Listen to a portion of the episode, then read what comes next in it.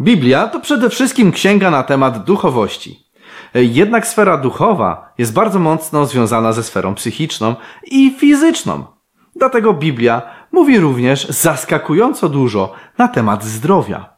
Dzisiaj rozpoczynamy serię, w której przyjrzymy się, jaki kierunek Bóg nam wskazuje w kwestii prewencji oraz leczenia chorych. Oczywiście tym, co Bóg chce przede wszystkim, jest zbawienie dusz. Otrzymując koniec waszej wiary, zbawienie dusz. Jednak Bóg jest miłością i On chce, abyśmy już w tym życiu cieszyli się błogosławieństwami, jakie On dla nas przewidział. Faktem jest, że Bóg może nas uzdrowić w spory sposób nadprzyrodzony. Co też czynił na przykład, yy, gdy węże kąsały Izraelitów na pustyni. Jednak z reguły robi to zupełnie inaczej. Posłał słowo swoje, aby ich uleczyć i wyratować ich od zagłady. Mój lud ginie z braku poznania. Oczywiście największym problemem jest brak poznania Jezusa, bo to, bo to właśnie prowadzi do wiecznej śmierci. Jednak w tych wersetach jest wyrażona pewna prawda, która tyczy się całego człowieka, a nie jedynie jego sfery duchowej. Ta myśl to Pan Bóg leczy poprzez swoje słowo.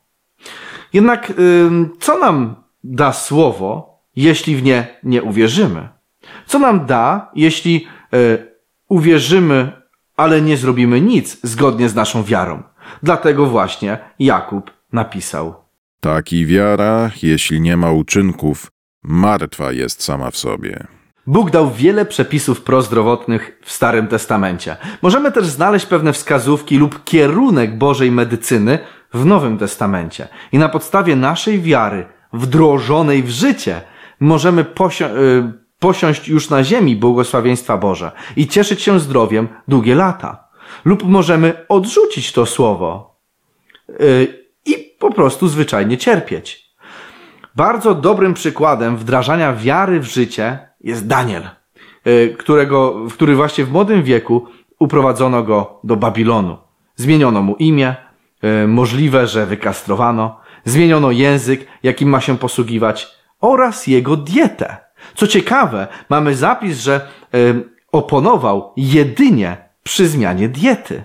I król rozkazał aż Penazowi, przełożonemu swoich eunuchów, aby przyprowadził niektórych spośród synów Izraela z potomstwa króla i z książąt. I król wyznaczył im codzienną porcję potraw królewskich i wina, które on sam pił. Mieli być tak wychowywani, aby po upływie trzech lat mogli stanąć przed królem. Wśród nich, spośród synów Judy, byli Daniel, Hananiasz, Miszael i Azariasz. Ale Daniel postanowił w swoim sercu, że nie splami się potrawami króla, ani winem, które król pił.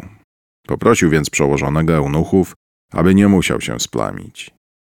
Poddaj próbie, proszę, twoje sługi przez dziesięć dni. Niech nam dają jarzyny do jedzenia i wodę do picia. Daniel wiedział, że ta zmiana sprawi, że będzie on splamiony. Z jednej strony, dlatego, że mięso ze stołu króla było poświęcone bałwanom, jednak to nie tylko to było problemem. Bóg swojej mądrości i miłości do nas e, zakazał spożywania mięsa pewnych zwierząt. Powiemy sobie o tym jeszcze w innych odcinkach, gdy będziemy mówić o diecie.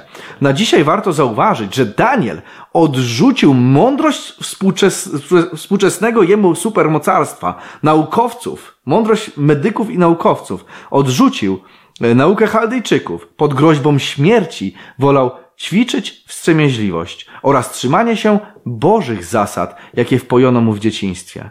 Nie chciał jeść mięsa, nie chciał pić wina a po upływie dziesięciu dni okazało się, że ich twarze wyglądały lepiej.